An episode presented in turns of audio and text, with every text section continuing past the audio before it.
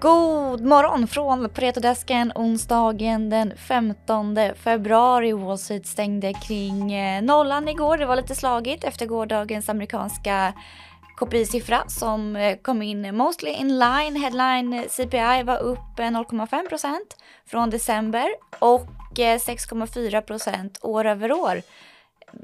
Jämfört med konsensus som låg på 6,2% år över år. Core inflation var upp 5,6 procent år, år över år mot konsensus som hade förväntat att den skulle ligga på 5,5 procent år över år. DAV stängde på minus 0,5 procent och S&P plus minus noll. Idag har vi en hel del aktiviteter här på Pareto. Det är en eh, stressig Rapportmorgon för oss. Vi ska strax prata med analytiker Niklas Wahlström som har släppt kommentar på både Orron och Remusel som har rapporterat nu under morgonen. Vi på Pareto har även eh, skickat ut en case-update på Storytel inför Q4-rapporten som kommer på torsdag, alltså i morgon. Och där förväntar sig eh, konsensus att ebitda ska landa på 59 miljoner, men vi tror lite bättre än så. Vi tror att den kommer landa på 70 och eh, the lower end ligger på 49 miljoner. Så vi tror att det kan bli en bra rapport imorgon med andra ord. Mer om det ska vi prata med eh, Stefan imorgon efter rapporten. Vi har fått rapport från eh, Stillfront den här morgonen. Det var ett, eh, ja, men ett decent quarter och vi har även fått rapport från Game Innovation Group som ska splitta upp bolaget och eh, dela media and platform verticals i två olika bolag. Nu tycker jag att vi går vidare till Orrön som rapporterade under morgonen. Niklas Wahlström, hur var den rapporten?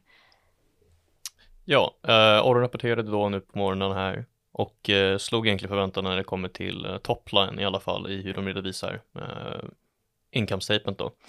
Deras eh, shares and joint ventures kom in lite lägre än förväntan, det är deras delade projekt. Och sen så var egentligen det positiva förväntan, alltså överraskning snarare på eh, topline affekterat av negativa effekter från one-off items som är lite accountingmässigt på financials men också eh, relaterat till Sudan legal costs som gjorde att eh, resultatet kom in lägre med också en deferred tax item som affekterade resultatet negativt. Men performancemässigt så är det väldigt inline, eller eh, hyfsat inline med mycket produktion vi hade förväntat oss och lite lägre realiserade priser gör egentligen att eh, proportionalmässigt om man kollar på underliggande tillgångarna att eh, resultatet kom in lite eh, lägre där. Men en, en stark rapport och en väldigt eh, bra performance gentemot vad Q3 eh, levererade kan man säga. Mm. Renewcell då, kom också med rapport under morgonen. Ja, eh, Renewcell rapporterade här också nyligen eh, och största skillnaden där egentligen gentemot våra förväntningar. Net profit kom ju precis in line med vad vi hade förväntat oss. Men vi hade förväntat oss att de kommer in med lite mer intäkter från eh, leveransen de annonserade precis innan årets slut, eh, som inte riktigt reflekterades. Så att det var högre eh, raw material cost som kommit in, vilket vanligtvis såklart när man kommer upp eh, i produktion och levererar till kund så får man ju såklart intäkter eh, som brukar cancellera lite, man brukar få en positiv effekt såklart, det är ju det man vill ha när man är helt up and running. det, sen så blir man affekterad av en positiv effekt från Ehm, räkna om sin nettet, vilket ger en, eh, en financial ehm, item positiv effekt för kvartalet, vilket är en one-off positiv effekt egentligen. Lite lägre capex än liksom förväntan, kommer nog sprida ut sig till eh, andra halv, eh, första halvåret här 2023 som kommer att affektera resultatet lite grann. Men overall så ser vi inte någon jättestor skillnad i mot våra förväntningar. Slutar också kassa med stark kassaposition som de fortfarande har då för att fortsätta skala upp produktionen. Mm. Outlooken då, hur ser den ut? Uh, outlooken är, ja det är ju mest att de har precis nu börjat leverera till kund och de ska, ska rampa produktioner då. De kommer ju ha en conference call nu klockan 10 här på morgonen så de kommer kunna lyssna in och ställa lite mer frågor exakt när det kommer till uh, hur snabbt de kan lyckas kanske skala upp produktionen och hur det ser ut just nu gentemot vad de har haft tidigare förväntningarna. Så att jag ser fram emot att kunna ställa lite mer frågor där till bolaget.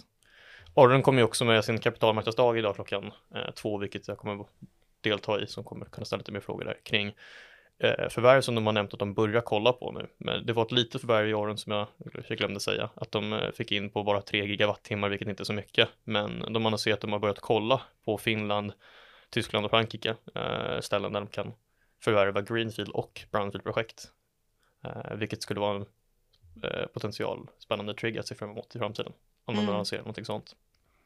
Ja, spännande att eh, få din kommentar efter de här eh, och eh, CMD då. Tack så mycket Niklas och tack så mycket för att ni har lyssnat den här men ganska stressiga rapportmorgonen får jag ändå säga. Hela våra analyser i sin helhet finns ju inne i vår webbplattform om man är kund. Så vill man läsa mer om bolagen och eh, få en djupare insikt i våra kommentarer och vad vi eh, tycker om rapporterna så kan ni gå in där och få analyserna i sin helhet.